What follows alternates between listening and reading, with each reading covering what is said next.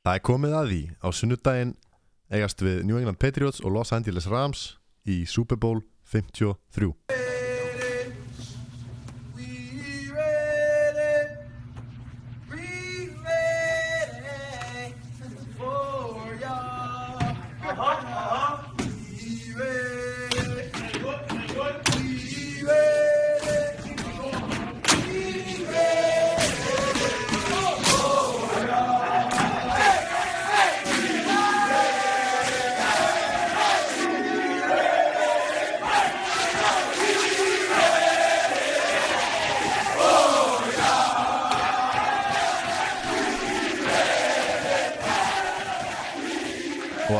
sjálfsögðu eru við búnisklega menn mættir hérna seint á föstudagskvöldi til að ræða leikinn. Við erum þetta ég og með mér eru sérfræðingarnir Orri og Kristján. Við erum hérna í búið Coolbet. Allir stuðlar sem við förum yfir hér á eftir er í búið þar. Frábæri markaðir þar, stakar. Það er nóg í Mjög Leikmannamarkaðir, over, under, Já. mínus, plus, Það- allt í búið. Já, margt, margt Við skemmtilegt erum hérna að vinna á græjónum í New Balance stúdíónu. Síðast var ég í rauð, rauðu skónum mínum. Þú Nú er ég í blá, ekki? nú er ég í bláum, ljósbláum, New Balance skóm. Nakka fjallarskónum Já, þeir eru bestir í snjónum, það glampar vel á um, Vasseldir eða? Já, þeir eru svona helviti massífur en ekki, þeir eru vasseldir svona upp að ökla. Ok. Það er gott. Það er gott. Það er að nóg að taka þessum leik. Já, já, og, og svo náttúrulega það er að Svo náttúrulega það líka gleymist, það var, voru líka stórleikir fyrir einn og hálfri viku Já, býttu núna í Super Bowl eru, eru Saints og Chiefs að keppa, er það ekki orði? Var það ekki Var það ekki alveg örugt að þeir myndi fara í Super Bowl? Nei, Nú, þú varst maður að segja okkur það, að þeir myndi fara í Super Bowl. Ég sem sérfræðingur var fengið hinga til að segja mitt álit. Það bara gekk ekki upp. Nei, nei, Það er ekki alltaf, það Það- gengur ekki alltaf upp. Nei, nei, en auðvitað skil ég það vel að þú er spáð þeim áfram. Sagan sagði okkur það að þeir myndi fara áfram. Tvö heimalið en, en En ég hafði rétt fyrir mér í önders Já, Í einum leiknum, já. leiknum. Annar leikurinn var over, hinn leikurinn var undir. Uh, uh, í overtime. Já, 62 stíð í vennuleik tíma En annar alltaf, lagi. Alltaf leið, við bara Áfram Sérfræðingur fær Hérna- annað tækifæri. Það er í kvöld. Og, Hann er á og- gulu samt. Hann er, er búið að búið að ríða upp gulaspjaldið og en svo auðvitað tölum talað um guld þá kannski hefði ákveðið guld flagg geta breytt þessu aðeins Já, fyrir þig? byrjum kannski á leiðum Rams og Saints Nei, Rams og Patriots aðlega þessum leik. Rams vinna Saints Ís í New Orleans. Já, í Uh, rosalegum Í leik. rosalegum naglbít Já. sem fór einmitt í overtime. Og Saints aðdöndur eru að kæra NFL-lildina Já, það er þetta búið en, en uh, dómarinn er búinn að kveða úrskurð. Já. Leikurinn verður ekki spilaðar áttur Já, mynda Það var- það var nú frekar skrítið En það sem Það sem kæran var um Var andlegt áfall Tap á trúverðuleika NFL Tap á ánægju lífsins Tap á skemmtun Og vantraust á íþróttinni. Já, já, og Dómarna mistu hvernig þetta bara hluta leiknum Við erum bara já. að taka því. Já, já, svo, já, já, það er alveg hárið En það var, ég var þannig að lesa það Þeir að, fengur fullt af öðru sénsum til að vinna þennan leik. Já, algjörlega, það er ennbla málið Og það Svo, svo náttúrulega Sean Payton, ég var að lesa eitthvað um, um það núna bara í gæri eða eitthvað að hann sagði að, að þetta hefði alltaf snúst um það að alltaf skora touchdown. Það hefði aldrei komið til greina að hlaupa þrísinum og eyða leiklífum og, og, og tíma og, og sparka svo fílgóli og þetta er þetta er bara pínu barnalegt Þeir hefur líklega stunni bara á því. Já þeir hefði gert það held ég. Og ja, þetta er svona Það er gott að vera vitur eftir á. Já en hann ætla ekki að vera veitur eftir á. Hann ætla að þetta er svona svolítið barnalegt að haldi í þetta finnst Já. mér sko. Og, og sérstaklega þegar Drew Brees kom út í dag og var reyður yfir því að Roger Goodell hafði commissioner NFL-dildarinnar að hann hafi verið svo lengi að viðkenna þetta að verið dómarumistök það var liðið tíu dagar frá því að leikurinn uh, var spilaður eða eitthvað. Uh, þannig að það er ekki tíu dagar liðinir Jú, Jú, það er- 11. 11, 12 sorry, hann gerði þetta gerði fyrir dag. Að, að hann ég er reyndar ekki fann að sjá þá yfirlýsingu en, en Drew Brees var að tala um þetta að hann hefði verið, hann hefði verið rey- reyður yfir því að Goodell hefði tekið sér svona langan tíma í að viðurkenna þetta. Skil ekki alveg hvað, það, hvað málum það skiptir en En Robbie Coleman var síðan sektaður fyrir helmet og helmet á playinu. Já, það er ég held að það sé nú ekki sárabót fyrir seint menn. Nei, Nei, nei, nei. en bara eins og í college sko þá ef það er eitthvað nálætt í að vera helmet og helmet þá er það reviewað Já, og þá hefði getur verið breytt í passinu fyrir þess að hefði verið þarna. Já ég, sko, ef þú far, ef þú far talað um college, þetta er bara svona eitt innskot. Ef þú far helmet og helmet og er hent út úr húsi í college, þá, far, þá er þetta held ég í banni fyrri hálfleikin í næsta leik. Já, já, það er bara eitthvað. Það er mjög skemmtilegt. Þannig að er, hann, hann fær nú sennilega, hann fær að spila allan leikin En Patriots fóru náttúrulega bara til Kansas og lokuðu bara Patrick Mahomes og í fyrri sildu frekar þægilega í gegnum hann leik eða ekki? Í fyrri Nei. Já, en, en nei, ekki í setna leik, það var nóg Nei. drama og, og stuði í þeim leik sko. Patriots unnu á því að Default var með puttana sína yfir línunni og hafði áhrif á, nei, hafði engan áhrif á leikinn.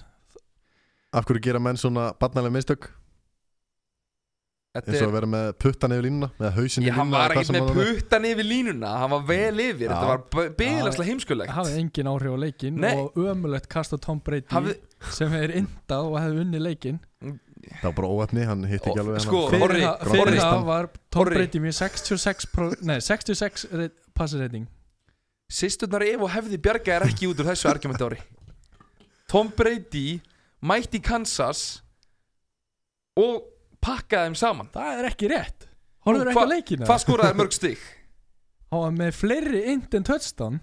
Hann skoraði engin stíl Já, af því hann kom þeim niður á fimmjardalínuna og þá hlupuður þá var hann með fleiri inteldur en touchdown. Hann Erum við ekki komin að með við full langt núna í Tom Brady hatrinu ef við ætlum að fara að segja þetta orðin fannar, sérfræðingur? En bara hann skoraði ekki touchdown. Hvað skor, ok, ok, sorry, ég skal breyta þessu Hvað skoraði Patriots liðið mörg stig í þessum leik?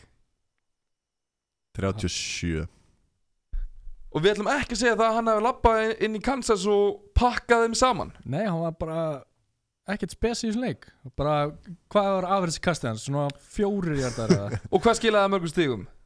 Uh, hann með eitt touchdown. Hvað var vörnið með, sem var hvað, með mörg stig fyrir Patriots? 0 Núl Þannig að Tom Brady skilar 37 stigum. Þetta er ekki Tom Brady það það var auðvitað bara sóknalínan dunk, fjórir hjartar og rushing en- að það nú ekki að halda hann í tvær sekundur Þannig að það er létt starf þar. Já en sko En orri, það var verður bara ekki hræðileg vörn á Chiefs. Og ég sagði það fyrir leikin þessi leikur var bara upp á hvort að Chiefs vörnin gæti gert eitthvað. Er semst öll liðin til spila á móti Patriots Þegar hann skiptir máli? Er þau öll bara með hræðilega vörn mér finnst það Hvaða mikilvægi leikur seinast Sem Tom Brady spilaði Var vörnin góð á mótunum? Fattar hvað ég meina? Ok, þeir töpuðu þetta í Super Bowl í fyrra En skoru Vörnin var ekki góð þar. Vörnin var ekki góð þar Og þeir skoru hrú af stigum. Og Tom Brady náði í 505 hjarta Þú veist, Super Bowl þar á undan Og náttúrulega ó- ótrúlegt comeback Og þeir skora hrú af stigum líka. Þú veist, við verðum að fara að leita eitthvað ansið langt tilbaka. 34. Já, við verðum að fara að leita eitthvað langt tilbaka Við ætlum að fara að gagna Tom Brady og stigaskorið hans. Þótt að hann kasti ekki fyrir touchdown Orðið, þetta er ekki fantasy sko.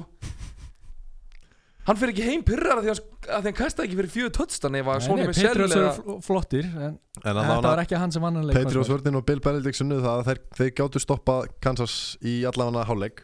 Já, en svo og reyndar gerðu það frábælega Já, svo reynda fundum menn einhverja lausnarinn í setni En orðið, ein spurning bara í viðbót með Brady og hann leik. Ok, ef þetta hefði verið Super Bowl Ef að Chiefs uh, Pats hefði verið Super Bowl Hver hefði verið valin MVP? Hver, hvern hefði þú valið?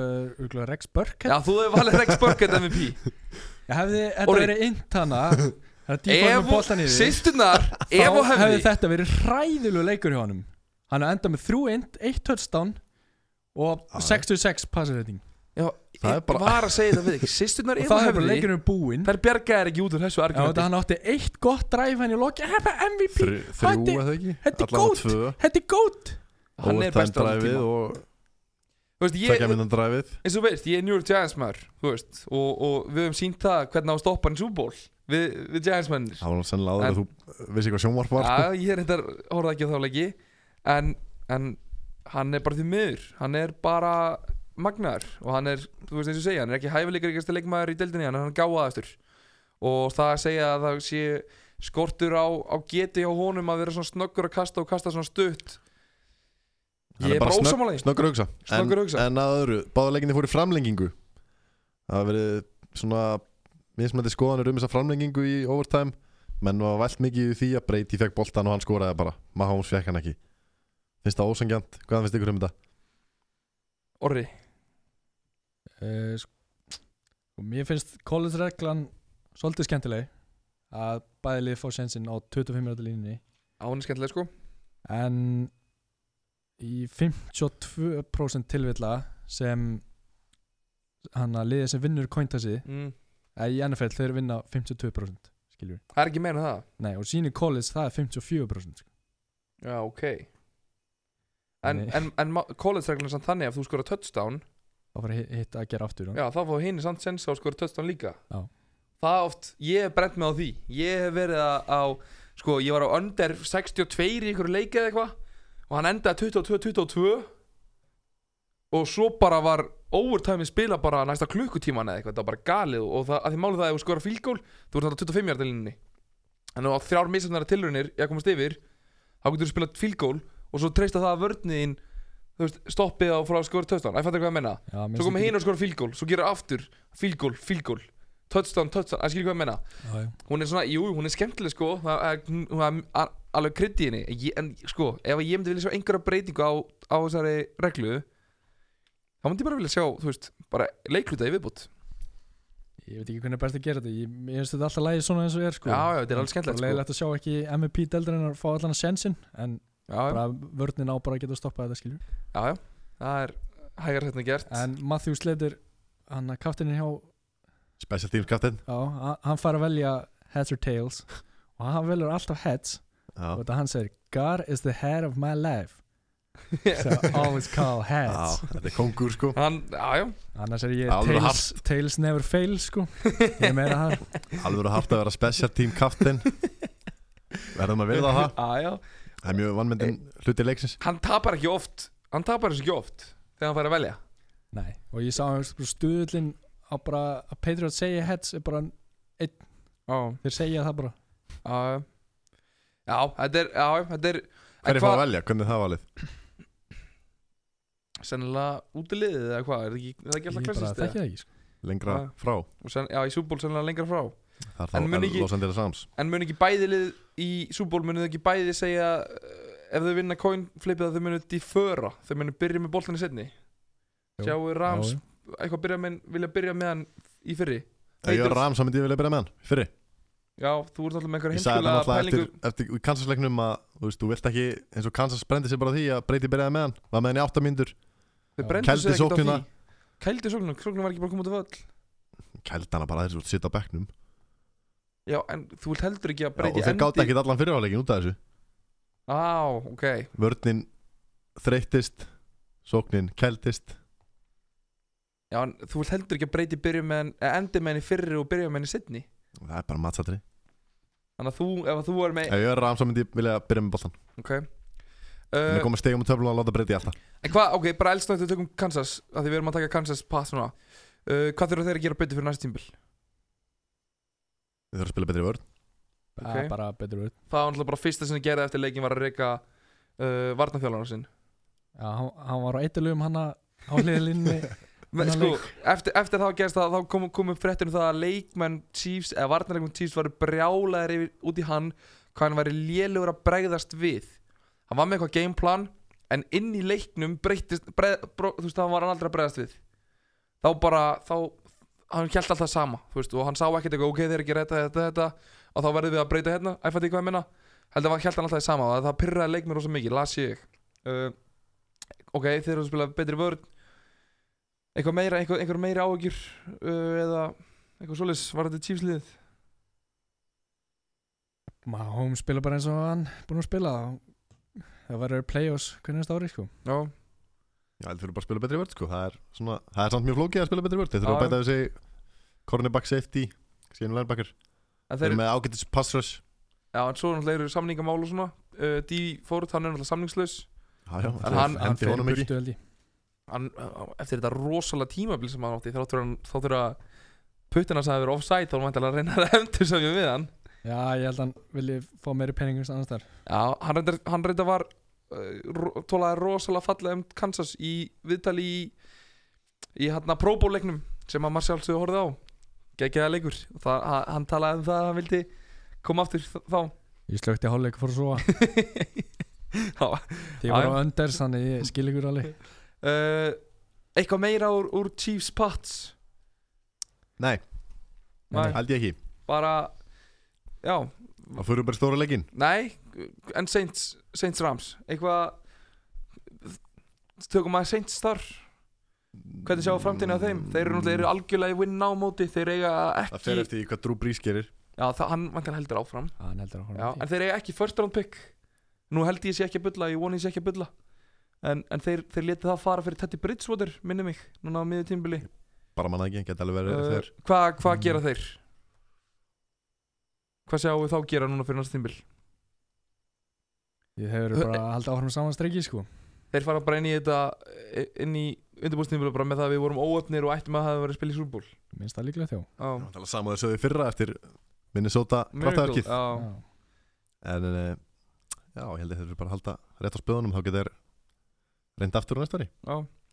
Uh, stóra passandi fyrir no callið uh, sem við tókum þetta aðeins áðan. Hvað, hvað finnst ykkur um það? Þetta var nú bara seint að kenna fannst mér. Þeir töpuðu þessum leik bara fyrir þetta sko. Er það ekki? Jú. Mér finnst þetta alveg galið að vera Saints voru svo miklu klauvar í þessum leik. Þeir eru svo marga sjensa Þannig að til dæmis fyrstu þrjálsóknar Þeir eru komast í Hvað Eða fyrstu tvær sóknar er komast í 6-0 Í staðin fyrir að geta verið komin í 14-0 uh, Þeir klúri réttsonu sem er ekki líkt þeim. Er, Og svo fór fara þeir þeir ekki 9-0 eða? Svo komast þeir í 9-0 líka, já, minni mig Þannig að hefði bara getur 21-0 þeir eru náttúrulega Leikurinn bara búinn. Todd Gurley missa náttúrulega boltandi gegnum hendurnar Já. og, og þeir fá pikkarna bara á, í geggjæri vallastu nýta þetta, ég, það er mitt máli mér finnst þetta veist, auðvitað eftir leikinn, þú veist, þú ert bara í sáruðinum dottin út. Það er mitt málið, Rams litur rosalega illa út fyrstu 20-25 minnir í leiknum eða svo. Og þú veist, þar verður bara að refsa. Ef þú ætlir súból í undrúsleiknum þá verður að refsa Heimaðalli á líka. Heimavelli. Þá verður, þú veist, leikurinn má ekki snúast um það um það hvort að dómarinn rífi upp flaggið eitthvað eitt kerfi. Gerur ráð fyrir því fyrirleik að dómarinn klikki allan einu sinni. En mætti ekki að vera hann að kasta inn challenge flaggi fyrir passandi finnis Jú, svo er það, það verður náttúrulega tekið fyrir núna í off-seasonu að hvernig menn, hvað menn geta challengeað og kannski svona mín fyrsta hugsun á- um það er bara það, ok, þú hefur tvö challenge flaggi í hverjum hálfleik og þú mátt challengea hvað sem er Minnst það make sense. Þú, veist, þú mátt eigða því að challengea hvort það sé grip, hvort það sé penalty eða ekki, þú veist, bara þú hefur tvö challenge flagg þá, þú veist, þá eru, þá eru við bæði ennþá að treysta aðeins á dómarana og ef þú eigðir challenge flaggunum þínum í eitthvað rugg þá náttúrulega eru þið bara búið með þú þá, ver, þú veist, þá bara verður að halda kæfti og, og treysta dómarunum. En einmitt á svona mómentum þá getur þið challengeað. Og auðvitað þegar tva, eh, undir tvær myndum eftir þá, þá er það reviewable. Og ég er alveg saman því auðvitað þú veist, þessi íþrótt hún einbyttir sér rosalega mikið að því að vera fullkomin. og það er markmiðið hjá þeim og þetta er rosalega fullkomin íþrótt. Og við sjáum það, þú veist að það er ein svona dómaramistök og það er, fer alltaf hliðina. Og þannig að ég er alls saman og ég held að þetta ver, ég held að þetta verði niðurstaðan í sumar. Ég held að að verði reglubreitingar og það er verði þannig að þú getur challengeað hvað sem er. Það, já, ég held að það sé breytingin. En þá kannski all stóra leiknum. Já, uh, Byrjum kannski á Rams sókninni Hvað er Rams sóknin að fara að gera til að til að skora? Ég held að Todd Gurley sé ennþá middur sko Þú heldur það? Hann er búin að hafa tvær vikur til að ná sér En Eiginlega meiri en það bara síðan hann meiddist, bara skilju, 16. síðan- viku eða Já, eitthvað. já, nákvæmlega hann er ekki bara að gera þetta hann snerti boltan fimm sinnum senasta leik mm og hvort var það að því að hann búin að vera lélegur eða að því að hann var mittur sko, my theory Já að það er náttúrulega það er mjög stránga reglur um hvað þú setur inn á injury list. Já, og og þannig ef hann og hann er, ald, hann er ekki búin að vinna á injury listinu hvað er, tvær, tvo mánuði núna? Nei, tvo mánuði, sé ég Mánuð, mánuð. mánuð kannski. Og það getur alveg að hann sé bara mittur og Petrus búast við því að hann sem er að nota hann og sem er bara mittur og þetta er bara C.J. Anderson leikur skilju. Það breytir svolítið miklu fyrir Ramsóknar Hann Hvort þeir séu með C.J. Anderson eða Todd Gurley. Já, Er það ekki? en Jú, hann, hann, hann, líka hann er með illin hénu sko sem hann sleitt crossbandi í college. En hann, hann samt ber sig ekki þannig og hann talar ekki þannig. Nei. og, og leikurinn á móti Saints á leita pínu út eins og hann væri alltaf lægi þú veist, hann var alltaf hann bara ekkert mittur sko hann var bara, leit, bara, hann var bara Já, lélegur ég er að segja það og, og, og minna Sean Payton, nei Sean McVay. Sean McVay, hann var spurður út í, út í þetta þú veist á, á öllum sem blaðamannafundum sem hann alltaf fylgja Super Bowl.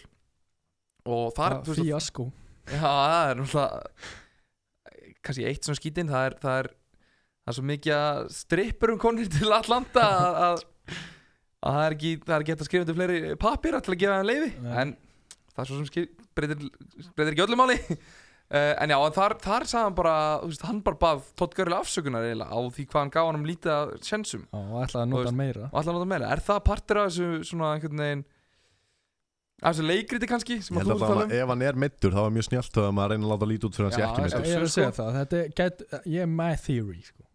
Það er Orris Theory. En, en, en sko, en svo en Svo getur hann alltaf alveg mætt bara og náði í 150 En hjarta er- og Já. verið MVP sko. sko, hann mun alltaf spila stóra rullu í þessu súpul þú veist, ef hann er eitthvað meittur þá verður hann bara, hann verður vel livjaður þá í leiknum og hann mun geta spilað. Þú veist, það er bara þannig, þú ert bara að fá einmitt eins og þú segir, skil, bara að fá bara eiginlega mánuð í að jafna þig.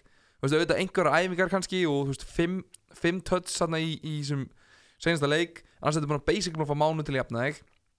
Ef þú ert ekki með einhverju risastór með, meðsli, þú var með mánuð til að jafna þig og þú ert að fara að spila Bowl þá er þetta bara einhver hestasprauta Já, já. sem að er fulla af einhverjum verkefliðum sem, er, sem þú færð sko. Að fættir hvað að menna Já. og þannig er bara, þú veist já, svo endur hann, svo endur hann bara á því að vera meittur í næstu fjóru og fimm mánuðina eða eitthvað bara á off-season og svo bara áfram gægt þegar næsta tímul byrjar. Þannig ég, þannig ég, ég sé ekki fram á það, ég held að vera aldrei ég held að vera aldrei neitt CJ Anderson leikur. Bara því miður bara, það er bara stóra stundin þú notar, notar besta hlauparaðin skilur. Og eitt besta hlauparan í deildinni ef ekki besta. Hann sagði mér að í, eftir leikin senast að hann er bara bekkjar fyrir lélega framistöðu sko. já, hann líka var hálf grátund eftir leik mm. uh, svo emotional þú veist, gæti það verið út af því að hvað hann var lélugur með þarna alltaf pikki var svolítið honum að kenna Já. og, og en samt kom, að fá annan, tæ, annan tækifæri Hann alltaf droppaði einum bolta fyrir það á þörðdán já, og fekk svo pick, var pikkað á honum í næstu sók sko þannig að byrjaði ekki mjög illa Já, líka ótrúlega sagt þá er Todd Gurley sko í þremur playoffsleiki sem hann er spilað aðeins sinni mm, þá var hann með 16 receiving yards á 15 targetum. Hann er ekki bestur á stóra sviðinu. Þetta er, þetta er fáraflega tölfræði. Við myndum alveg örugglega ná á, á þessi tölfræði og fá 15 targets á okkur. Ef að Tom Brady var ekki að stað okkur. Já. Á, ég meina ég væri bara mjög góður sko, Tom Brady hann og Belichick sko. Þetta er ekki reyðbeinsflöndin Já, skipt engum máli. En Já. Patriots hafa verið mjög góður gegn unnubaka núna bara hvað, eftir bævíkið eða eitthvað? Það er kannski svolítið langt síðan. En allan að í senustu f- einhver fjórum leikjum þá er ekki maður að hleypa meir en þrjú yards per carry sko. já, ráðvört En hvað, hvað þarf Bill Belichick að stoppa hjá Rams?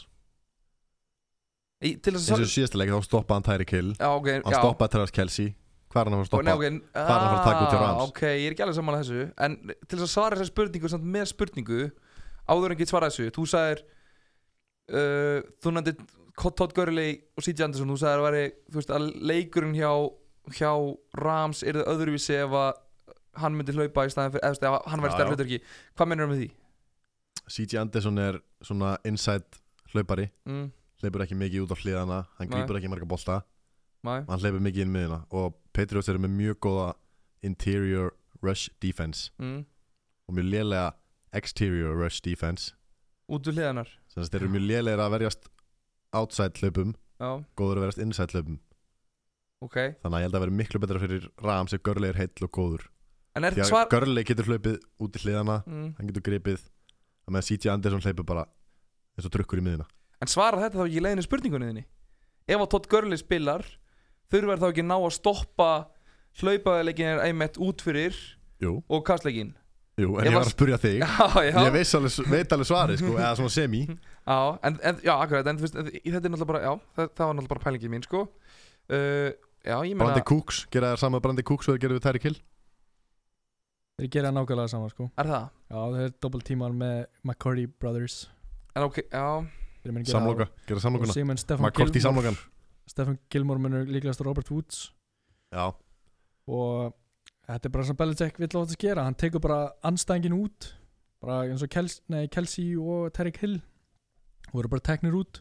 Já, og þeir kannski þannig sem leifa í gæðsleifunum bara Sami Watkins bara að vera opnari og já, já. hann enda með fjö- fjögur kats fyrir 114 í orða en ekkert töstan og þannig ég held líka að undrafted JC Jackson Æ, ég var einmitt að fara að tala um hann minn maður, hann fær nóg að gera Já, Kansas náttúrulega misnotuðu hann svolítið í setna áleikum síðast Já, og þeir Mm. munu vera dúlur að kasta á hann sko. hann fær lang flest köstin á sig sko. miklu fleiri en bara hvernig einasta leikmaður í Patriots vördinni sko. Þetta verður bara svo hver, hvar er Valli sko Sean. McVay verður bara hvar er, hvar er Jay-Z Já, þannig að geti verið eitthvað Rams allir skipti yfir og voru með kannski tvo tætenda og eitthvað nýta sér það á Calvin Nói og Svo er það náttúrulega ef Gurley er með. Donta Hightower. Og ef þeir ná Gurley á matchupa með linebacker hjá Patriots þá er Patriots um þetta málum. En sko því að linebackerni og Patriots eru ekki sérstaklega snöggir side to side sko. Maður, þeir eru svona freka þungir.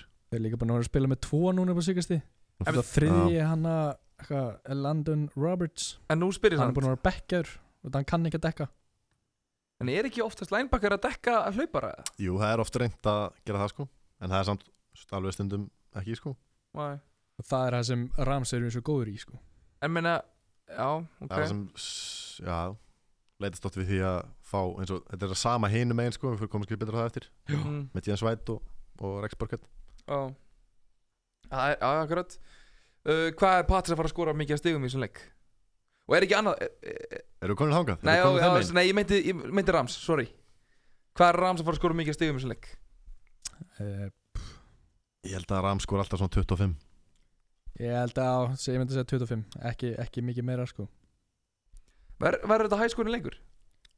ég Ég- segi ekki Ég er að fara að segja það ég, Já, ég er að fara að segja það ef, ef að þetta verður hæskórin leikur þá vinnur Patriots Ef að þetta verður lóskórin leikur þá vinnur Rams Ákveð það Af því að uh, Brady hefur tapað níu eða tíu playoffs leikjum.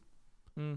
og bara tveir af þeim hafa verið hæskóring Þannig að átta af þeim leikin sem hann hefur átta af þeim leikin sem hann hefur tapað eru Formúlan í því að vinna Patriots í playoffs er að halda leiknum lóskóring Og hver er formúlan því að, að halda Patriots low scoring? Spyrir góða vörð og Já, langar sóknir líklegast og, og ha- taka langa sóknir. Ok. Hvernig spilar þú vörðum á móti Patriots? Lærðu við eitthvað af Chiefs í senasta leik? nei. Nei. Þeir spiluðu frekar leilega vörð allar leikin Okay. Fast mér. Já. Hva, hva, ok, þú veist núna bara setjum við okkur í spór Sean McVay. Orri Þú ert Sean McVay. Ég kann ekki stoppa þetta ég kann það engin Þannig að- að þú, að þú staðin fyrir að reyna að finna einhver laust og segir bara Nei, það kann ekki að stoppa Belichick.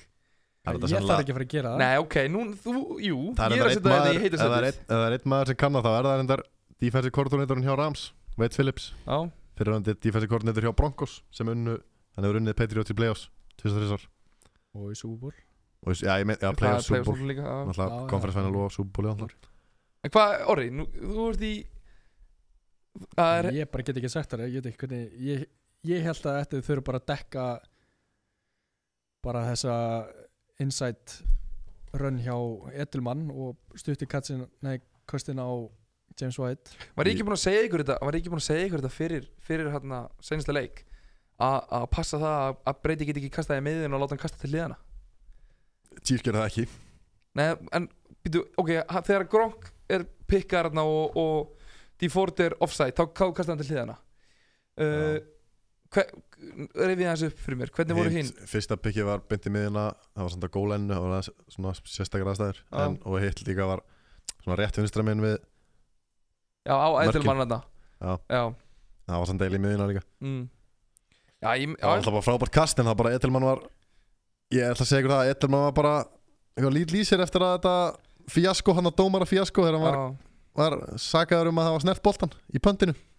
Það var bara lít lýsir eftir það og, og að missa hann. Af því að, þú veist hvernig hann lítið sjálfstyrst þá, þá geta menn gert mistök. Er hann Hall of Famer hvað er já, það sennilega. Sennilega, sko hann er statsan í það en hann har aldrei verið prófað. Hann hefur náttúrulega hann hefur playoff statsan í það en hann hefur ekki career statsan í það. Að ég er bara að segja það út af því hann er ég var að það- heyra þetta á hann hann er með eitthvað 5500 receiving yards í heldina og eitthvað 2000 eru í playoffs eða eitthvað. Mér, mér finnst það að það er nóg til að komast í mér líka, sko. En a- var ekki búin að segja ykkur annað samt? Varandi Chiefs passleikin Og þetta er því leikur þar sem að Chiefs myndu sakna Karim Hunt. Þeir eru með 41 uh, Jarda á, á jörðinni þetta, hann, þetta- náð, hann náðu að grípa Damien Williams skora En já, það var náttúrulega svindl Já, það hefði átt að vera ólulegt sko já, guður Það hefði átt að vera við ólulegt Þessi sko. fara góður. yfir það líka bara Chris Hogan katsi já, ég challenge það já, Ef við hefum átt hann það. greip ekki boltan Ertu að meina Nei, Chris Hogan Nei, ég, þú þurft að tala hann um að hann greip hann. greip hann og, og það var challengeað Já, Já, það- það var alltaf grip Hvað þeir horfðu á það, þeir sáu það bara líka. Ég sá það líka inn í stofu sko. Já, þú ert líka með Patriots gleruðin á þér, skilur við. Þú ert með Tom Brady Það Svo er ég bara, svo er ég bara neutral Giants maður, sko. Nei, það ertu ekki, jésús En ég, þarna- já, þetta- ég allan þarna hefði ég Það var alltaf ólulegt sko. Og þetta var pottit í Edelman Nei, sást það var, var sínt Það sást 30 sinn Það sást ekkert. Þetta er bara, Oh. hann getur við kent það ekki, skilur Já, hann er heiðalegu maður. En ok, nú, en Ha, heiðalegu maður, Já, Petelmann. Hvað er núna að bulla? P.E.D. Hann er bara steraður. Nei, nei, Nei, nei, nei. Petelmann. En eh, annað, núna, uh, úr, úr hatirinu hans orra Já, Þú varst að tala um að vantaði Karim Hunt Nei, en nú spyr ég líka sant Það eru, það eru 68 stig skoruð, ok? 6 stig með, með hérna, overtime. 62, já, 62 mennileg tíma uh, 62, sorry.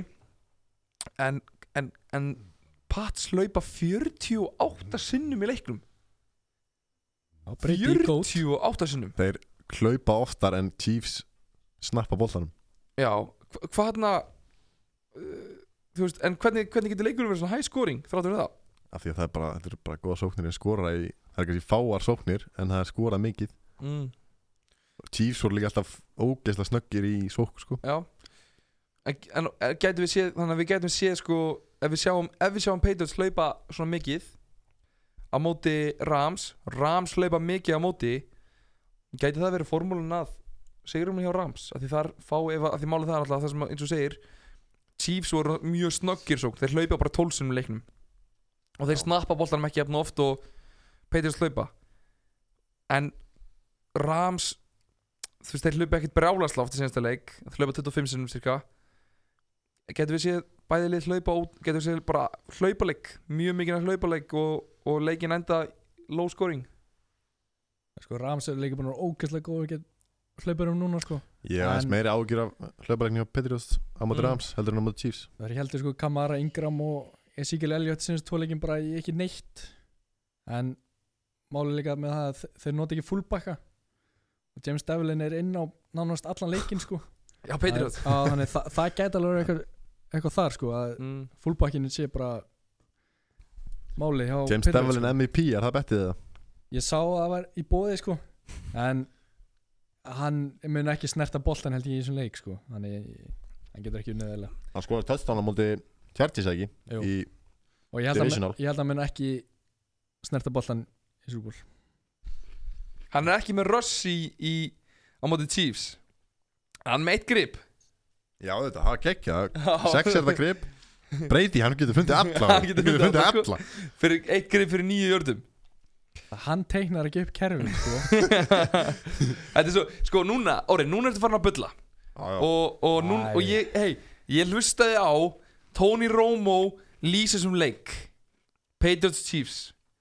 Og hann let mig vita í hvert einasta skipti þegar breyti, breyti kerfi. Þegar hann sendi menn í motion og var að breyta kerfum. Þannig að ef að Orri fann hann sérfræðingur búninsklega setna við mennum öllina hvað er að segja mig það að Bre- breyti sé ekki stjórn þessu þá trúi ég bara trúi ég bara því miður Tony Romo frekar. Af því að hann var, hann, þetta var ótrúlega hvernig hann las vörðina. Alltaf. Já, eins og hún Tony Romo sagði. breytti sér ekkert. Jú, að því hann sagði Ángrís, já, ég meina að cheesewordin breytti sér ekki Nei, já, þetta svona Hann sér samt, hann sér samt hvernig vörðin lænu upp hann er ekkert eini maður en deildin sem getur gert það. Nei, hann er en besti sem hefur gert það allra tíma.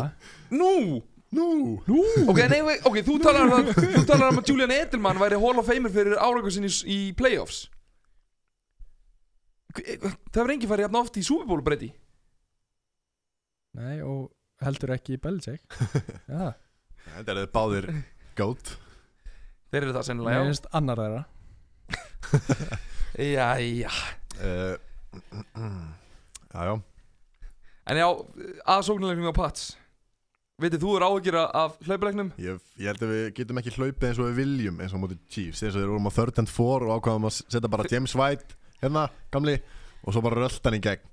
Við getum það ekki á móti Aaron Donald en Dama Kung Su Dante Fowler og félögum sko Er að bæði sko Chargers og Chiefs er ekkert með góða nose tackles. Nei, þeir eru með, með góða edge rushers. Já, meina Aaron Donald og Ndamukong Su er alveg langbesta TVG í deildinni sko. Já, og Pro Football Focus segir að Aaron Donald sé langfljótastur að sakka í deildinni.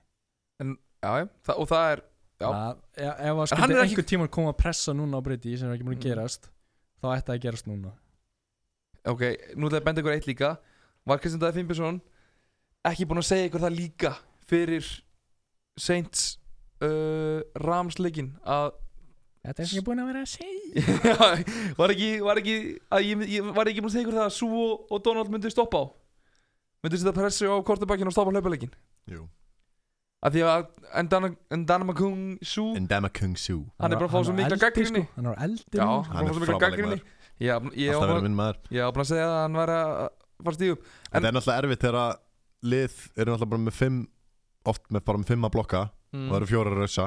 Já, og þú tvöfaldar Donald þá ertu með Brockers, Dante Fowler og Endama Kung Su að einn og einn. Já, En- er Það klikkar stundum eins og Það er þegar lið, það er eins og þegar Drew Brees kastaði interception í overtime þá var, Mm. mm.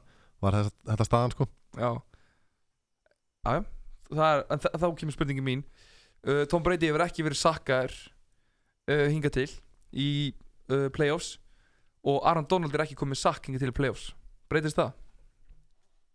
Af því þú varst að segja árið að hann væri sneggstur að setja pressu á uh, kvortabakkin Það bara En langsnegstur Já, en hann er ekki komið sakk og Brady er ekki búin að vera sakkar Brady, þú veist eru Patriots menn þá bara með en munið þeir geta stoppað það að þessa pressu frá Aaron Donald? Hvað heldur að tekja langa tíma að sakka svona max, ekki svona, nei minnstu kosti ekki svona þrjár sekundur eða ég myndi halda að Jú, væri eða þú þarft að í, hlaupa fram hjá einu manni og hlaupa Jú, svona tvær, ef, eða ef, þú- tvær. ef þú ert pikkaður upp á línunni þá er það þrjár, jú. Ef, Ef þú ef, kemur inn frýr þá er það svona tvær. Já, ef að það er afriðs kasti hjá breyti kannski einu og hálf sekunda eða? Tvær með komma þrjár. 2,- já, Minnir þannig mig. í play-offs. þetta er aldrei að fara meira en eitt sakk kannski, eitt og hálft. Sko, Veist, veistu, veistu hvað Aaron Donald er snöggur að setja pressu? Nei, mér minnir að hann er samt hann sakka bara eitthvað á þremur sekundum. Já Já. Já, ég meina, já, akkurat en er, er þeir að fara doppelt tíma viðar, þú er svona sérfækur í Patriots. Er þeir doppelt tíma? Ég reyni alltaf að double tíma Donald. Ég gera það líka og alltaf, hafa aðra í einn og einn. Svo munið þeir oft líka að reyna að hafa Gronk Gronkowski í sem sagt passblokk. Og uh, kannski auka hlaupara líka í sum tilfellum. Og þá geta þeir svona pikkað upp pikkað upp lausa menn líka. En ok, uh, nú spyr ég samt annað. Uh, Orri, eru Rams að fara að blitza Patriots? mm, Það þurfum svona mjög góð sóknarlínu Patriots, ég held að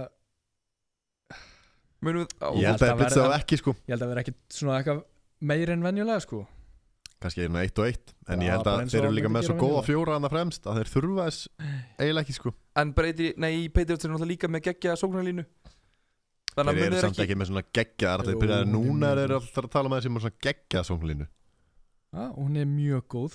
Er hún, búin að vera- hún er ekki búin að vera svona góð allt tímpili Nei, nei, bara það þarf að gera já, já, já. en Breydi Það- er líka að mjög snöggur að kasta sko. Ég er með tölfræði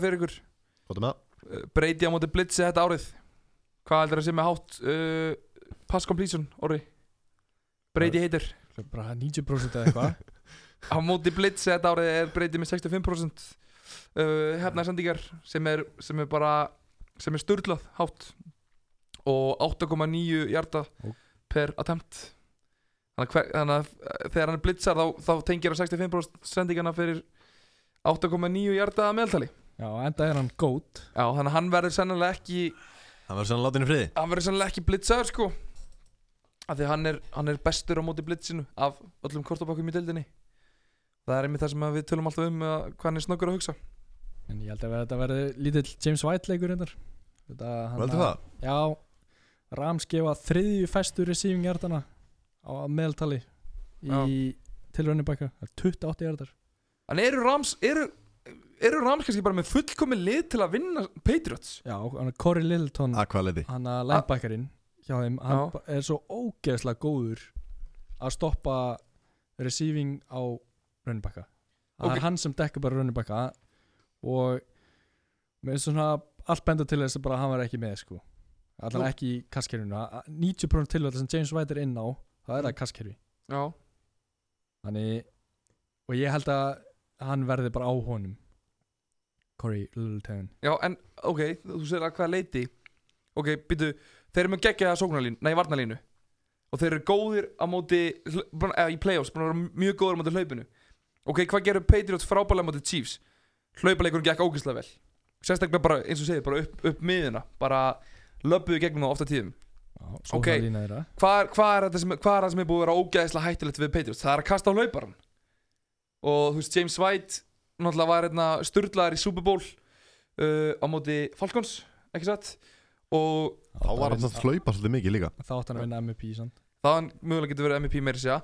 Og þeir eru góður að stoppa það. Þeir eru með góða Þeir eru með góða cornerbacka. Ég veit að orðið er ósvöldunum einhver lita því En ég held að, að Marcus Peters uh, Akib Talib Þú veist, ég held að, það síndi sér bara að þeir eru bara slöktu í Michael Thomas. Já, til dæmis. Það Akib Talib er Hann er, var bara Talib sko. Já, hann er Hann er, ég, hann er klöts gaur sko. Hann er klöts Er Akib Talib að fara að dekka Edelman? Nei, Nei. Er hann að fara að dekka er, er Marcus Peters að fara að taka Edelman? Corey Coleman er með hann. Nei, Hver hann- dekka Gronk? Það er með spurning, er Akib Talib að fara að taka Gronk eða? Þeir munum doppelt tíma hann líklegast sko. Já Já.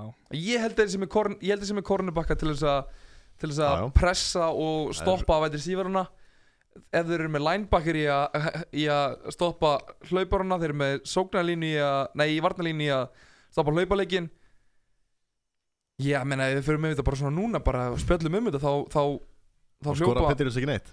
Þá skorar Patriots ekki neitt. Nei, menn nei, eins og nei. sem er bara svolítið fullkomi lið til þess að stoppa Patriots lið.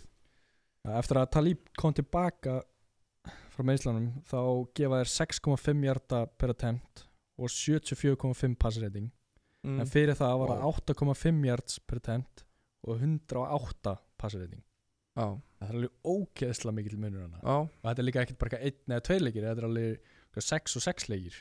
En Marcus Peters, þú, þú þoldir hann ekki hérna í byrjun tímabils. Fannst hann, það er bara allt tímabilið síðan bara núna þegar Talib kom við sem hann alltaf lægi bara. Já, minna, minna að gera fyrir hann. Já Hvernig verður hann? ég sé að þeir munur að reyna að láta Edelmann þetta hann að Nikkel Robby Coleman. Mm. Mhm. héðan, ég var búin að glemja núna. Sem var, var hann að með passandi fyrir hans kóli hann er samkvæmt Pro, Fo- Pro Football Focus besti slokkkornir í deildinni sko. já. Hann, hann verður Edelman hann verður Edelmann. Já, og en Edelmann er líka það góður og líka eins og þið tala um að hann er svo góður að breyta kerfi og svona. Já, já. Ég held að vera nóg að gera allan hjá breyti en En gæti- það mun einhver hjálpuna að skilju Edelmann mun færa sig út um allt. Ok, en byrju nú spyr ég, ok. Núna þú segir, ok, þegar að James White er inn á þá er 90% uh, kastkerfi uh, Littleton uh, er geggjær að stoppa kastkerfi á hlauparana Gætu við séð breyti núna Gætu við séð breyti bara mm, bara svolítið messa í þeim og láta James White hlaupa mikið? Það- þeir mun allan ekki gera neitt það sem við segjum lofa það því. Nei, ég meina, ég bara spyr, þú veist að því að, að því að núna þegar við förum yfir þetta ég var ekki alveg búin að gera mig grein fyrir þessu að styrkleikar ramsvarnarinnar myndi var svona matchuð svona rosalega Ramsvörðin er alltaf bara góð á öllum sviðum Það er ekki veikur blettur á henni á blaði sko. Nei, en, en ég vissi samt ekki að hún matchaði svona rosalega vel upp á móti Patriots. Ég vissi ekki að þeir væri með bestla slott uh, cornerin í deildinni sem er alltaf fullkomið á móti sem er Edelman alltaf eitt punktur, hann er trúður. Ha? Sáðu hvað hann sagði í vikunni? Já, hann, Eight has definitely taken a toll on Brady. Það- Nei, nei, nei, nei, nei, það nei. Nei, nei, af nei, því, nei. nei, það er ekki rétt. Nú, Þetta er, eh, þetta er, Ég þetta er er, að lesa þetta hérna. Já, ég veit að þetta er, eitt af, þetta, er, eitt- þetta er svona eitt af því sem að fjölmiðla breyta. Já, ég las Ég fyrirsögninu bara. Ég horfði, ég, mála það, maður er náttúrulega svo, maður er náttúrulega svo geðveikur. Maður, Ég horfði á, ég horfði á sko Þegar að, hann að, uh, Rams og Patriots voru með þarna, þetta var svona sameiginlegur svona Hvað, ég- hvað ég kalla, blaðamannafundur eða eitthvað. Það var bara svona serimónia Þetta kallast opening day, er- þetta var á sunnudaginn ekki, eða mánudaginn? Jú, þetta var, jú, þetta var, þetta var sannlega mánudaginn. Mánudaginn, eða opening day, Já. Super Bowl. Og þá var hérna, þá var einmitt þarna bara, þú veist NFL Network, þú veist, bara með set þarna og, og svo bara löbbuðu lið, þú veist, labbaði fyrst ramsliðinn og þú veist, það var bara svona eitthvað serimóni og svo Eitthvað voru, grín sko. já, svo voru, þú veist, svo fóru margir hérna í svona, ein- svona viðtölskiljur og eitthvað svona og, og NFL Network voru að tala um þetta í, í settinu og svo voru þeir í, í einhver viðtölum og svona. Og þá fengur einmitt sko general managerin hjá, hjá hérna Ramsin og voru eitthvað að spjalla við hann og, og þú veist og þá var hann eitthvað að grínast því að nú erum við verið maður bara að bytta Guðs um það að engi tali af sér og engi far eitthvað skilur og þá einmitt fóruð tóku viðtalið við hann. Þá var hann búinn að segja þá var búinn að koma frétt um það að hann hefði sagt þetta hann hefði verið að gera grína aldrinum hjá Tom Brady. Og þá var hann spurður út í þetta. Og þá sagði hann einmitt já þetta var tekið úr samhengi og ég sagði að hann sagði þess að eini munurinn á Tom Brady núna og fyrir ég man ekki einhverjum mörgum árum er aldurinn. Hann sagði og þú veist þá var hann að meina það að hann væri ennþá alveg jafn góður. Eina sem væri búið að breytast við hann væri bara hann er orðin eldri. Og þetta var ekki þetta var ekkert disrespect í þessu og hann var ekki að tala illan breyti á neinu leiti um þetta þannig að hann var og þú veist þetta var einmitt og ég horfði á þetta í beinni sko. Þannig að það er ekki þú ert ekki að fara að segja mér þetta ég er að lesa þetta hérna núna við hann sko. Jú, ég var alveg Já, ég horfði á hann. hann. tón já, Það þýðir að Já, hann það ekki. Sem tóll á honum. Já, hann sagði það ekki. Nú, fjölmiðlan er að búa til fyrirsagnir. Já, það er bara Það er eins og það er. Það bara Ég- særi mig. Já, ég horfði á þetta í beinni og hann, og hann hlóði einmitt að þessu og, og sagði einmitt,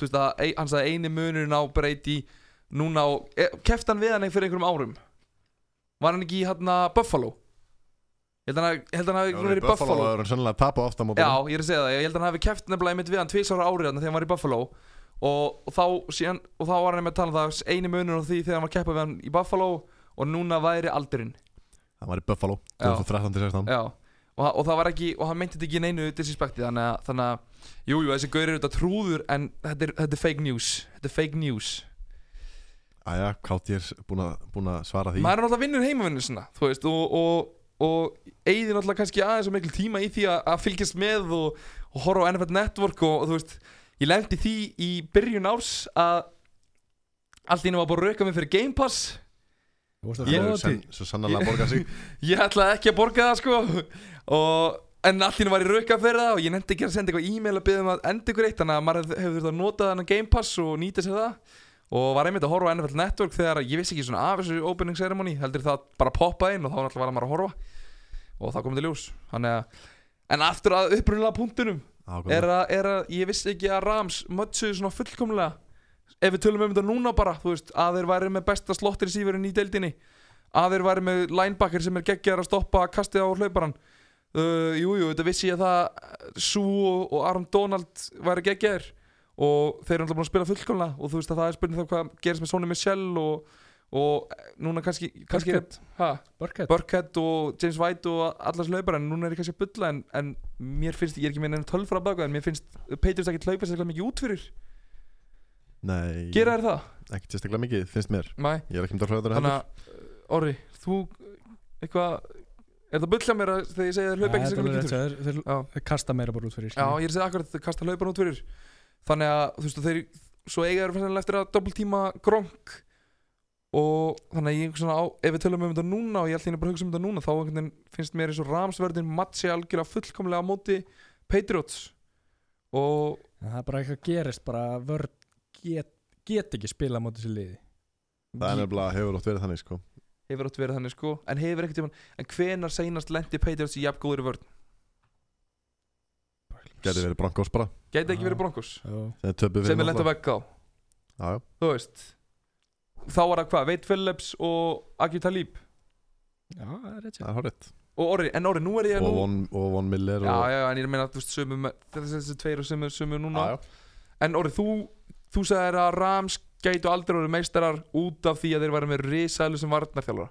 Í fyrsta podcast þætti uh, veturarins hvað hann hvað hva er núna að segja, er þetta Já, þetta eru leikmenninir þetta eru leikmennir Já. En jú, jú, hann er með reynsluna. Sko ég hef nefnilega ekki haft trú á honum síðan þú sagðir þetta, þú seldi mig algjörlega. Ég er ekki grínast. Já, þá í þetta, ég var með svo góða tölfræðum þetta um hvað hann var orðin mikilvægur í sæðilega já, Hann er bara búin að stígu upp og ég held að leikmennin bara líka skilju já, hefur hann aðlagast eitthvað? Já, mér finnst það. Allan að á því hvernig hann er búin að vera að stoppa leikina er alveg bara, bara perfect sko. Mm, eins og bara hann næra bara að taka Michael Thomas bara algjörlega út af leiknum. Já, það var bara perfect plan já, skilurðu. hún tókst ekki að gera það alltaf í fyrirleiknum og í deildareiknum. Nei, það vandaði að tala upp Sko málið oft með þessa Patriots sókn Það er svo erfitt, þú veist eins og það er oft kepp móti Saints Það getur bara tekið út Thomas aðalega tekið út kannski Kamara skilur N- en í Patriots, það er samt ekki það er ok, samt þú tekur út Edelman og Gronk en þeir eru samt ekkit svona sóknin veldur ekkit svona mikið Já, á ok, ég- Edelman og Gronk Ok, þú ert með, ef þú ert með einn og einn á móti gronk, þú ert með, segjum, uh, hvað heitir hann aftur? Slott receiverinn? Nei, slott cornerinn? Nickel, Uh, nei, sá sem fekk passandi fyrir sig á sig. já Robbie Nickel. Coleman Já, sorry, sorry. Uh, Nickel Corner líka Já, en ef hann er, ef hann er, ég, held að vera að tala um það sko, en ef Já, hann er, sama á slott ef hann sko. nær að dekka, uh, ef hann nær að dekka Edelman, Edelman einn og einn, ég ég uh, held að geta ekki þú heldur að getið ekki? Nei. Ég held sko Jú, hann getur alveg dekka Hann Edelman getur alveg dekka En það sem ég held að Petur skilja að Hann mun vera út um allan völd Hann mun fá rushing carry og okkar kviljur Já, Edelman er svona því góð motioni og svona. Já. Já, Þannig hann, hann en eldir hann þá ekki bara? Hann reynir það En hann getur alveg bara Hann Getur bara það fljótur skiljur Að bara En hann lænist Edelman upp í ekki, en lægbæn styrkleikin hans Edelman sem er ekki, er ekki hraði. Nei. En ok, ok, þú segir það að ef að tekur Edelman og Gronk út þar er ekkit sóknin bara farin. Ok, Dorset Segjum að- Patterson Þá ertu með se- hlaupa nei, leikin Já, hlust, hlustaðu, hlustaðu, hlustaðu.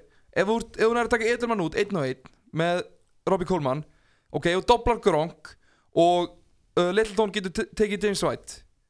Þetta er kastleikurinn. Ef, ef þeir ná, ná að neutralæsa þá þessa þrjá leikmenn með fjóru leikmennum Double team Gronk, einn og einn Edelman Littleton, James White.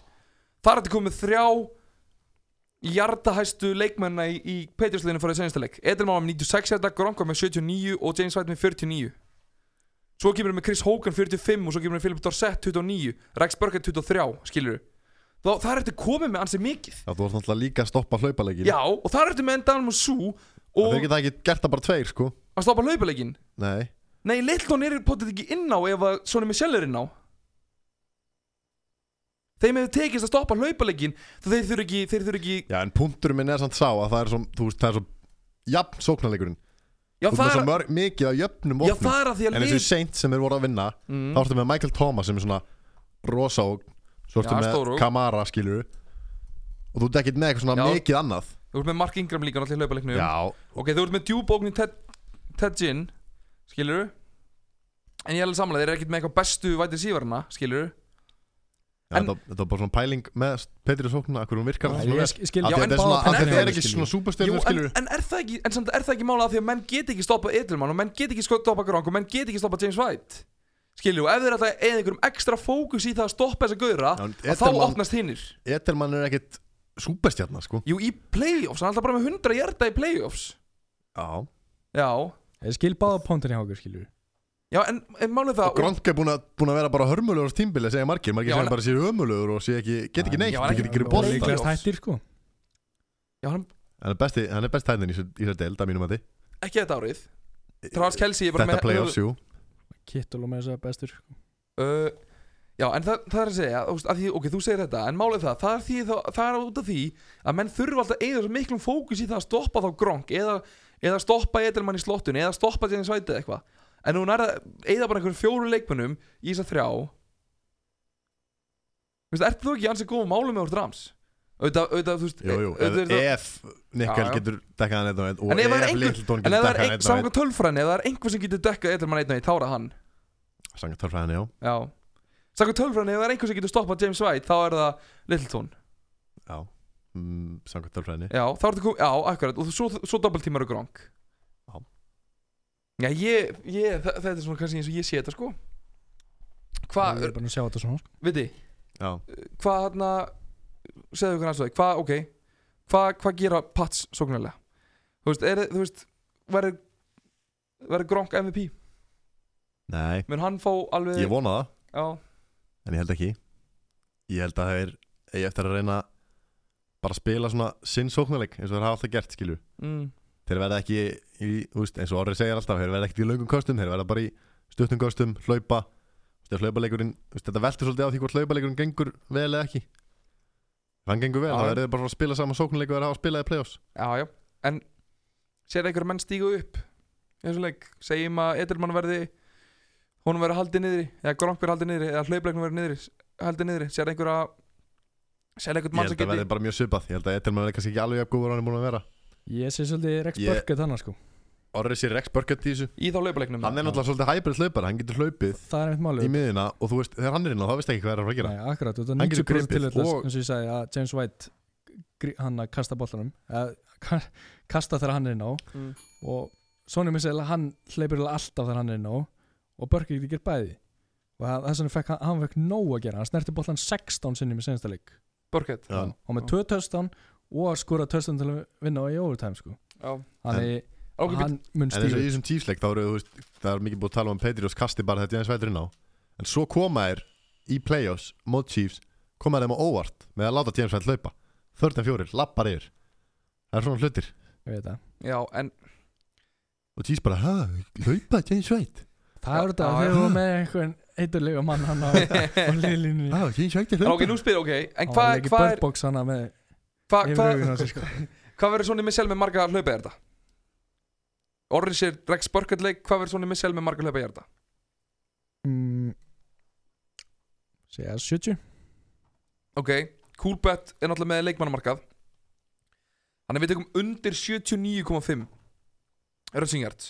Á stöðun 1,8 8, 1,88 ég vil ekki taka það nei. Þú, þú tekur, veit ég veit þú sem ekkert Patriots maður þér, ég, ég sé það á þér núna að þér finnst þetta að vera value? En þér langar ekki bara- til þess að þetta sé. Ég var bara að horfa á tölvu en að finna þetta. Ég er að, bara, no comment. Þú tekur þetta ekki heldur? Ég er ekkert, ég hata Sony Michel Getum við ekki séð undir Ég hata 80? hann ekkert en Ok, ef að menn vil langar til að taka alveg fullt af bettum með eitthvað að þá er þetta svona eitt af þeim. Uh, Óra, ert þú með eitthvað bett á hana leik? ég er með freka mörg. Já, Og Ég er langur listi. að renna yfir þau. Eða? já, hvað er með þau? kannski fara yfir eitthvað uh, Tom Brady over 25,5 completions. Þetta finnst mér bara fárálega gefið. Já, ég, við vorum alltaf Við vorum alltaf með þetta síðast. Over 35, þá tókum við svolítið langskot Þá vorum við með 35 á stöðunum 5,5 Já, Hann náði held í 30 já, hann er með Nei, 30 sko 31. Já, 30. Já, er að segja, hann er búin að ná yfir 25,5 í sjö seinustu Það er, ég held að sé bara, já, þetta sé gjöf að hann Já, fór í ég get alveg 30 tekið til það En já, og sérstaklega ég, Herðu, Ef ég væri, ef ég væri þið þá myndi ég fara í Over 30 á hærri stöðul Já, þetta er þetta, þetta, er þetta, þetta er þetta frábært sjá til orra Þetta er bett. Að, að, að mínum að því Að því að Brady nær, nær sko að tengja 30 sendingar á móti Chiefs Þrátt fyrir að Patriots hlaupi 40 og 8 sinnum. Þeir voru líka alltaf inn og Chiefs voru ekkert með það Nei, en ég segi þeir hlaupa 48 sinnum. En samt nær hann að tengja 30 sendingar.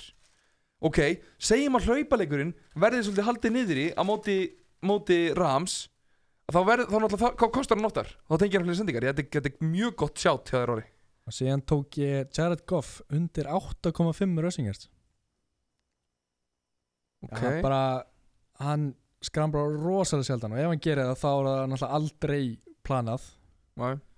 einu sem ég geti verið lélegt hann að hann er búin svo lítið að hann nýla svo oft. Ógislega oft en Mm. hann alltaf ekkert líklegast ekkert að fara að nýla þessum leik sko. En ég verði líklegast á ramsvagninum mm. og þá passar þetta svolítið saman hann er ekki að fara að rössa ef rams er að fara að vinna Gætu ekki sé eitt skrambúl hjá hann Þú veist, en er, er þetta ekki svolítið hættulegt på það að gera ef hann tekur eitt skrambúl að þá getur það bara tapast Jú, En eitt skrambúl getur líka alveg verið 7 hjartar eða það- Já, ég 6 að segja, hjartar þess sko. að við sem er 8,5 Já. En hann er með sko, 8,5 hann er með value, 10 sko. er þetta í senstileik Hann hleypur þrísvar Það er að segja 8,5 value Sko. finnst mér sko. Já, ok. Já, ég er svona eins og segi, þetta Mér er finnst Brady betur betur betra sko. Já, mér breyti betur En, betra en sko þetta er en alltaf lagi líka.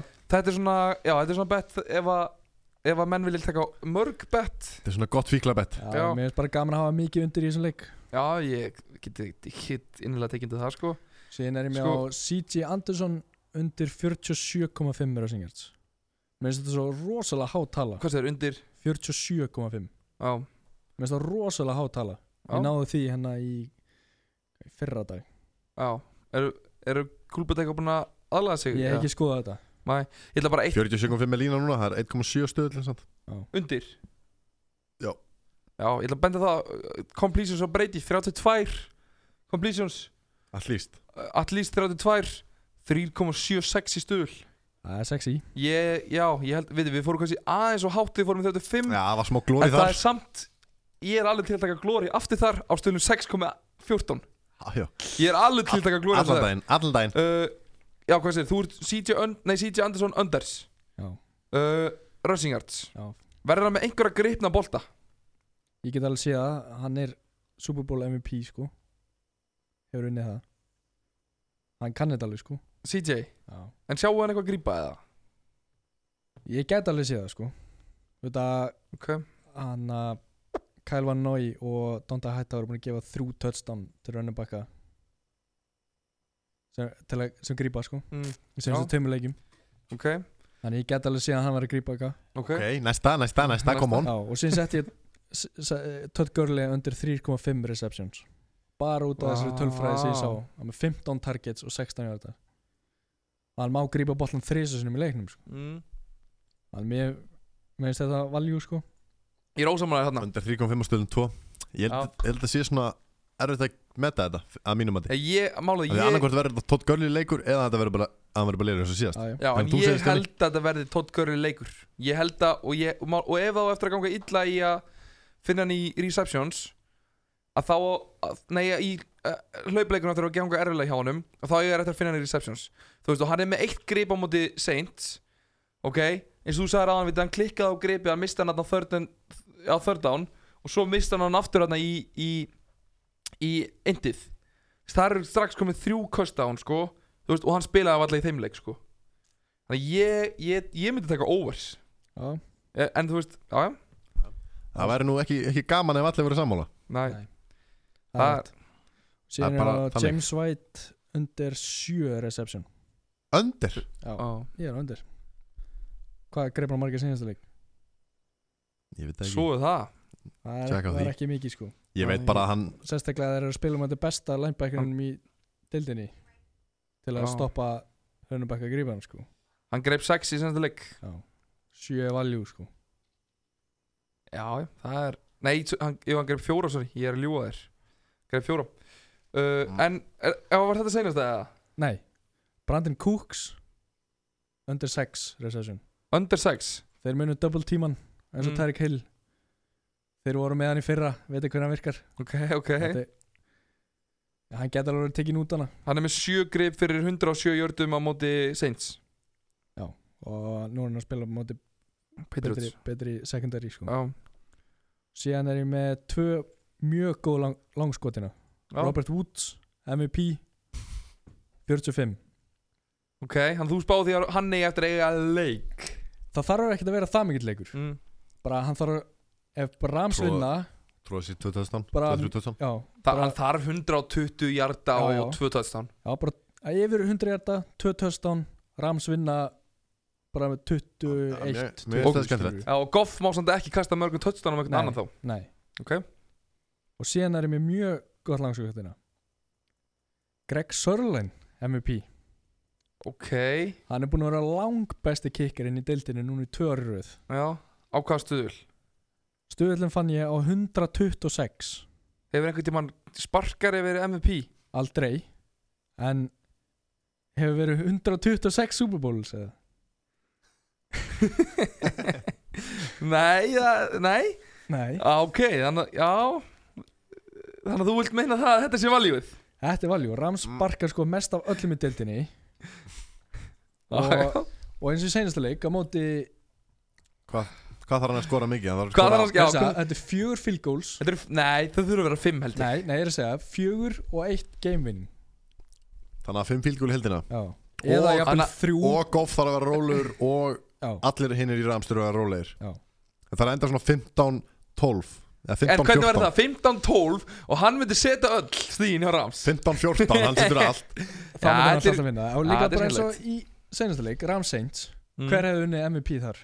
uh, Goff? Nei, Jú. Sörlen Nei. Það er Sörlen enda örgla Goff er næst alltaf því sem einhver hefði fengið Já, Sölen mögulega. Að mögulega? Nei. Hann með tvö Goff var elska geggjaður. 50 hjarta fylgóls og vinnur.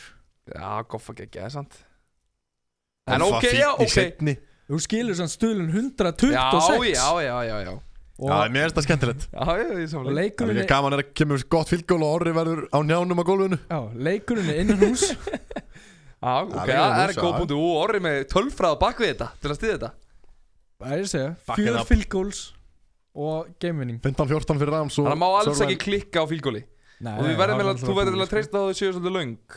Já, og líka það, sko, það er ekkert lið deildinu sem bara sparkar þessu löngum spörkum, sko. Þeir taka bara sensin, bara 60 hjarta Og ef hann hittir bara eitt 60 hjarta og gamevinning Já, það er að vera svona pínu hæp í kringum hann sko. Já, og sem líka það bara að En er þið einhvern tímann Goff getur ekki neitt, sko. En er þið einhvern tímann sparkari valin MVP eða? Ef einhvern tímann þá núna. Já, Já, það Ok. er þessi að segja.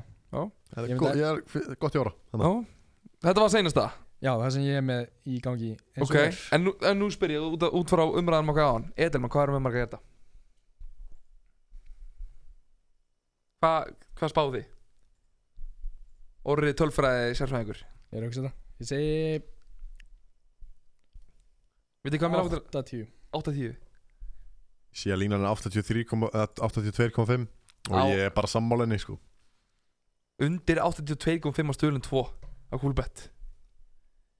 Ef hann er með undir 82 Já Hver mun þá að vera með herra? Þetta verður lóskurinn leikur. Við erum bara að sjá það. Ég er á óversvagninum Ég er svo mikið á vagnum sko. Að þú varst á óðsvagnum áður en þú fórst að pæla í þessu svona. Nei, ég var á Ég var á undarsvagninum áður en ég var Þegar ég var af við þú Svo er núna er ég búin að ákveða það að Ef mínir menn í Patriots ætla að vinna þetta Þá er þetta hæskurinn leikur. Já, þannig að þú ert með engar Engar rökhugsun á baka þetta gakk Ég hef bara séð nokkra Super Bowl leiki Já, ok, í Minn lífstíð Og þeir hafa allir endaði overs. Viðar, ok, til þess að að vinnist þá þarf þarf 60 stygg 57 Já. Hvar sér þessi 57 stygg koma? Þetta er ógeðslega mikið. Þetta er ógeðslega mikið, hvar sér þessi 57 stygg koma? Brady Á hvern? Gurley. Hleypur sjálfur? Og Það hefði aldrei verið að Brady skora. og Brady Það og Gronk, það og White Sonny Michel getur skorað 2 touchdown Rex Burkett getur skorað 2 touchdown James Devlin getur skorað 1 Það hefði aldrei verið skora svona mikið í Pats Chiefs ef að Chiefs hefði ekki eitt mínúti í hverja sókn. Þeir bara, sókn ég þeirra held líka- tók engan tíma. Ég- Rams, Ég held að Patriots verði ekki jafn lengi í sóknu ef voru á móti Chiefs. Af hverju ekki, þeir munu reyna það? Ég eitthvað reyna en ég held að gengi Gangi ekki. Gangi er það? Já, ég, hann er ég bara ósamalær Ég held að, það er ég að það under sé skemmtilega við þetta huge líf. value. Það er. Ég held Það að er under bara sé huge value. Það er bara skemmtilega við þetta líf. Það mennir ekki alltaf sammála. Nei, nei. Ég tek, ég á, á Edelman 82,5 Sérstaklega eftir orrið bendi mér á það að besti slott kornabakkin sé í, í Rams. Uh, Veit, er þú með eitthvað ánum leik? Ég er með eitt bet Já, Sem að ég er með núna. Það er bara með eitt bet í huga? Ég er með eitt bet sem er samt eiginlega tvö bet. Já, Það er sem sagt Matsvinir end total points. Það er New England Patriots end over 56,5 á stöðlun 3,6 mm. Það er að breyta einum dali í 0 Einum dag í 3,6 Ég er með góðan seðil í gangi núna sem er á stöðlunum 1000 Þannig að þú getur grjótaldi kjæftið að hann er dóttin á sundaginn sko. uh, Já, þú ringir mig þegar það gerist. Nei, ég, bara, þú er auðvitað hliðin á mér Ég sendi það, ég bara se- sýni þér hann auðvitað Af því að ég, Þú séð ekki, ég séð held ekki að Patriots vinni Og ég held að ef þeir vinni þá, vinn, þá er það hæskorinn lengur Já, Þannig að já, já. það En þeir hafa alveg unnið 4,6. lóskorinn leiki sko. Þótt að tölfran segir það að þeir tapi oftast hæskorinn vinni ofta það hæskorinn minnur Já, Það er vin, já, vin, já, ég meina það segi Já, Ok, eitthvað annað valjú þarna sem þú sérð? Sem ég sé? Já, mm, eitthvað annað svona sem þú mynd kannski setja á uh, áður en Svona að í flippinu? Já, Gronk touchdown skorir 2,45 já. Það er minn maður, hann er alltaf valla búin að skora touchdown. Hver, ver, te, hver er MVP? Brady 2,2 Tekur það? 2,25 er það? Já, Ok. Já. Orðið hristir hausinn. Jú, Ég verð bara að gera fyrir því, ef Patriots vinna- Ef Patriots vinna þá vinn- þá vinnur Brady MVP Þannig að meira valjú að Meiri segja Brady. móti Falcons en að fyrir tveim ára síðan. Það átt hann ekki að vinna Þá átti skoraði James White einhver Hvað, ég sá þetta, er- þetta er með hann, Það er engin leikmaður skorað svo mörgsti í Super Bowl. Það er ekki þrjú touchdown og tvö two point eða Já, það var eitthvað 26 stig eða eitthvað. Hann vann 25 bara, ekki- vann bara ekki. Eða eitthvað, já, 25 eða eitthvað. Mm. Samt hann Brady, skilju Þetta er bara Þannig svona Hann er bara, hann er liðið, skilju Hann er bara valin MVP að vinna. Ok, Já, þannig að ef að þú sko. ætlar að setja á leikinn Og þú er eitthvað svona Já, Ég held að ok. vera þetta gott Bara til að, það vera að gefa pening. Setja Brady eða Rams. Setur 100 dólar á Brady MVP Og setur 100 dólar á Rams vinni. En setja þá ekki bara frekar 100 dólar á Brady og 100 dólar á Goff? Nei, Nei, því að Goff er ekki Brady Næ, ok. Gurley getur verið MVP Já, eins og Sörland Woods. Sörland Woods Cooks, Gurley. Þú CJ set- ef þú Anderson. setur 100 dólar á Brady og setur 100 dólar á, á Rams og þú lofar því að, að ef að Brady, nei ef að Pats vinna þá verður Brady valin MVP Ég lofaði ekki en það er svona Og svo- 97% líkur á því. ef þú setur sammála 100 dólar á bæði þá græður 18 dólar ef að Rams vinni og 25 dólar ef að Brady vinna vinnur.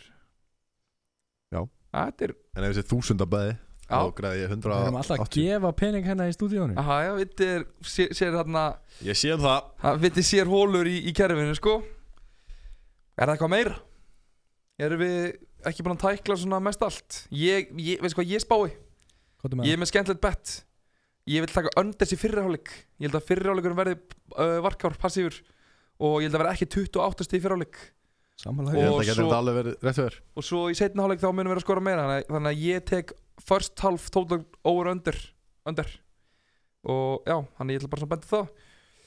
Annars er ég bara svona nokkuð sammálaði sem betur sem að þú hefur tekið á. Ég, Og ég er, þú veist, ég, tek, ég myndi örugglega taka unders á, á Edelmann. Og ég á svolítið eftir að mynda mér afstöðu með hvoru liðin ég ætla að halda með Og því miður þá, þá oft setur maður kannski pening á það lið Sem maður heldur með Staðið fyrir að vera Það Bara er það að fara beint- eftir hausnum. Já, staðið fyrir að fara alltaf eftir uh, Svona því sem maður kannski finnst gáðilegast Ef ég næja, ef ég næja smalit ykkur auka 10 dólara þá kannski hendi ég á Gronk MVP 60 dólar, 60 stuðul. Já Það er- gæti verið skemmtilegt. Það getur verið skemmtilegt. Uh, Já, eins og segi, eitthvað eitthva meira? Nei, eru þessi ekki bara lokið í dag hjá okkur? Þú ert ekki búin að spá hvernig leikurinn endar? Já, við möndum að spá ætlum hvernig að gera endar það. Já, við höfum líka eftir að fara yfir Hvað eru vangir og rif og já. Herru, ég er búin að fýra upp í hægaldinu pottinu, pottinu mínum. Og Það er hæ, hægældur rif. Já, ég er að fara í Costco á morgunum með mömmu minni. Ég nenni ekki að endur nýja kortið mitt. Og ég er að fara að köpa þrjú rif. Er hún að fara að borga eða þú? Og hún borgar líklega Borga líklegast Ok. Þar sem peningur minn er inn á Coolbet. Ég borgi henni á Já, þú getur borga henni tilbaka. Tekur svo Já, tvo daga kannski að fá það á miðgudaginn Já, getur verið. Og, og, og, og ég elda rifin í 8 klukktíma Þannig, hvað Það að segja? mjúk og góð að þú voru, kvöldið. þú voru að kaupa nóg Svo ég og við getum fengið vel líka. Já, þrjú ætti að döga Það er ekki alltaf lítið það Ætti að döga Svo fyrir Ok. við vantarlega ykkur að góða á vangi líka. Já. Já, ég Eh, get ég, Smá Doritos. Sennilega kúlgrip skútu Gæti sé kúlgrip einhvers staðar annars sko. Gæ- Já, við þurfum um þetta að heyri í þeim Til að fá auðlýsingar á, á, á podcastið En það er kannski önnur Það er allt Allt annað mál, allt annað mál. Ég Uh, er plótir að græða það en áframgag Við þurfum að kíkjum í skútuinn og náum okkur í nokkar kúlgripa. Hjá hennum Petri. Uh, Já. Hvað er, hvað er annað sem er svona must að hafa með þessu? Nú er ég Vinsk, Vinskapin vinskapinn. Já, góða félagskap. Og líka ekki umkring, vera umkringdur og mörgum sem veit ekki hvað það er sko. Já, Það er bara er ekki gaman sko. næ Það er, ég, get- ég get alveg ímyndað með það Ég passaði upp það sinni ár. Já. Þannig ég, ég var að vera með sérfræðingum sko. En já, hvernig fyrir leikurinn? Orri byrjar. Ég sé Rams vinna með fylgóli Þetta verður bara 3-2-1 stig. Þetta er ógeðslega tæft. Já, og Anders? Uh, Skor. Skor, bara korrekt skor Orri, uh, sleppur ekki. 25-24 Ok. Kristján Ég, eins og staðinu núna Ég ábyrgist, ábyrgist þess að spá ekki alveg fullkomlega. Eins og staðinu núna þá spá ég Rams 20-17 sigri. Og þeir skora 2 touchdown, 2 field goal. Brady og félag skora 2 touchdown og 1 field goal 20-17 Rams sigur. Svo kemur við erum núna á spáir 78-13 fyrir Patriots. Jæja, ok. Nei, ég, Viðar. þetta gæti samt orðið svolítið þægilegt Þetta, farið að minna mig á Chargers-leikin Þetta fer Þetta fara að minna það á Chargers leikina hvað? Að hvaða leik þetta fara að minna það á Chargers leikin? Ég er bara búin að tala um allan all þáttinn. Aja, Nei, ég segi svona En ég Spái... Hvaða lík getur sjáum við með þessum leik og Chargers leiknum? ekki neitt Ég spái að þetta verður þægilegt inn í end. Þetta verður 43 29 Hérna ætlum við að ljúka þættinu 43-29 fyrir Patriots. Slögt í sjálfur. Nei, en við, hvað hva, hva, hva, hva lík getur sérðu með þessum leik Ég og var að Chargers? Steikur það að, ok, eitt, Af því að hann endar svipað. Ok, þetta verður sem rúst. Eitt af Það verður lokum búið í hálfleik. Eitt af lokum uh, nú, miður. ke- Þátturinn kemur inn á Twitter Eða við, við sem sagt, setjum þátturinn inn á Twitter Deilum honum þar Og í leiðinni verðum við með uh, einhvern leik Og við ætlum að gefa Gefa, gefa, við ætlum að gefa penning það er bara þannig, við ætlum að gefa uh, Free bet. free bet og cool bet. Á leikin þetta verður, uh, verður já, þannig að- að kannski verður við með einhver skemmtilega, létta skemmtilega spurningu kannski verður þetta bara einfalt. Ekki bara eitt er Og- retweet, eitt er like, ég veit já, það ekki. bara eitthvað sem við erum aðeins að hugsa en endilega Þannig að- svo til þess að, til þess að auka og orðið, þú kannski tekið þátt í þessu líka. Þú sennilega vinnur samt ekki en til þess að auka uh, bettin og, og skemmtilega gildið á leiknum og það er náttúrulega annað í þessu. Þessi, þessi leikur er svo eins og orðið sagði, það er svo gaman að vera mikið ánum sko. þessi leikur verður svo ógeðislega skemmtilega þú ert með lífið undir sko. það er bara þannig, þú veist, þú ert með hjartað í buksunum yfir eh, bettanum sko. þannig að endilega fara og ná ykkur í, í ókipis bett á Twitter síðu búinsklegans hvar, hvar, hvar finna? Bara búningsklefin eða klefin 18fm það er bara svo leys